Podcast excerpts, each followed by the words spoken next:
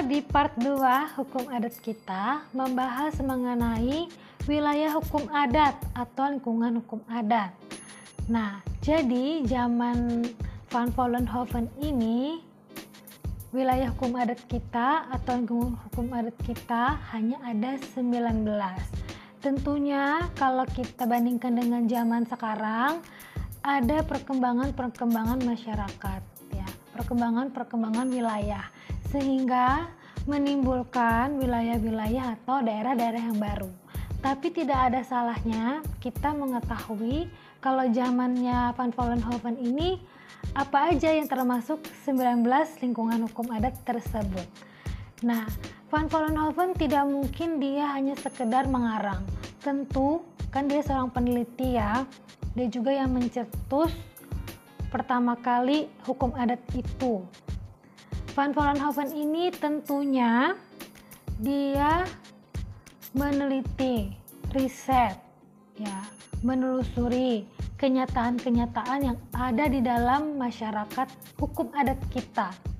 Kemudian dia mengklasifikasikan berdasarkan bahasa-bahasa daerah yang ada di Indonesia. Inilah ke-19 lingkungan hukum adat Van Vollenhoven untuk Indonesia. Yang pertama Aceh. Kalau kata Van Vollenhoven, Aceh itu termasuk Aceh besar, pantai barat Aceh, Singkel dan Simele.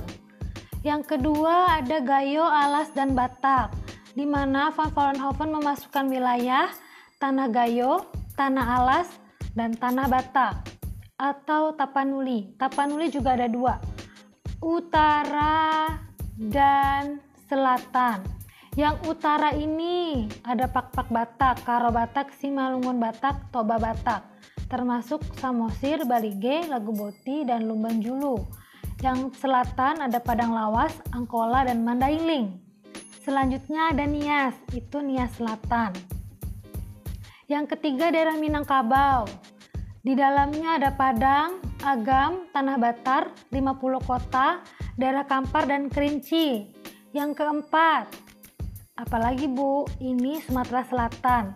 Di dalamnya ada Bengkulu, daerah Rejang. Lampung, itu ada Abung, Peminggir, Pubian, Rebang, Gedong Tataan, dan Tulang Bawang. Palembang ada Anak Lakitan, Jalmadaya, Kubu, Pasema, dan Semendo. Ada juga Enggano. Daerah kelima daerah Melayu, itu Linggariau, Indragiri, pantai timur Sumatera Utara, dan orang-orang Banjar. Ini bukan orang Banjar, Kalimantan Selatan. Yang keenam itu ada Bangka dan Belitung.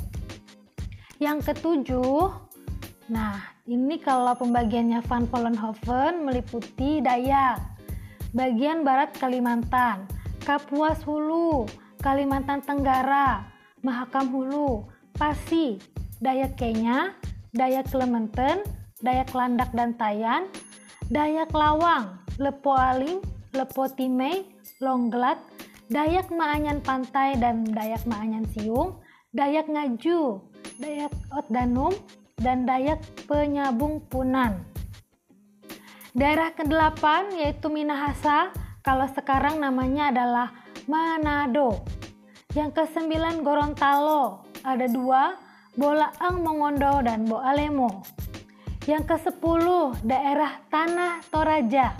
Van Vollenhoven memasukkan wilayah Sulawesi bagian tengah, Toraja.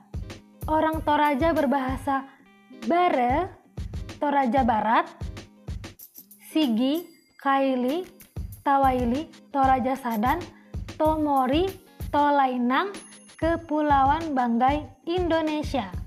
Yang ke-11, Sulawesi Selatan, di dalamnya ada orang Bugis, Bone, Laikang, Ponre, Mandar, Makassar, Selayar, dan Muna. Yang ke-12 itu Kepulauan Ternate. Apa aja yang termasuk di dalamnya? Ada Ternate, Tidore, Halmahera, Tobelo, dan Pulau Sula. 13. Maluku Ambon. Di dalamnya ada Ambon, Banda, orang Uliaser, Saparua, Buru, Kepulauan Seram, Kepulauan Kai, Kepulauan Aru dan Kisar. 14. Irian atau Papua. 15. Ini Van Vollenhoven merinci Kepulauan Timor, termasuk kelompok Timor, Timur, bagian tengah Timor, Molo, Sumba, bagian tengah Sumba, Sumba Timur, Kodi, Flores, Ngada, Roti, dan Safu Bima. Ini nama-namanya lucu-lucu ya zaman dulu. Kalau zaman sekarang apa masih ada ya? Mungkin ada pergantian nama bisa jadi ya. 16. Bali dan Lombok termasuk ada Bali, ada Tangan Parik Singan, Kastala, Karangasem, Bulele, Jembrana, Lombok dan Sumbawa. 17.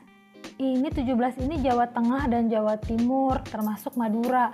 Jawa Tengahnya itu bagian tengahnya ya itu Kedu, Purworejo, Tulung Agung. Kalau yang Jawa Timur Surabaya dan Madura. Tentu kalau sekarang sudah lebih banyak ya wilayah baru. 18 ada daerah kerajaan, ini Solo dan Yogyakarta. 19 ada Parahyangan, Tanah Sunda, Jakarta, dan Banten. Nah, itu dia ke-19 wilayah hukum zaman Van Vollenhoven atau sebelum Indonesia semakin berkembang tentunya wilayahnya. Nah, sekian materi hari ini. Terima kasih sudah mendengarkan. Selamat ketemu lagi di episode selanjutnya. Bye.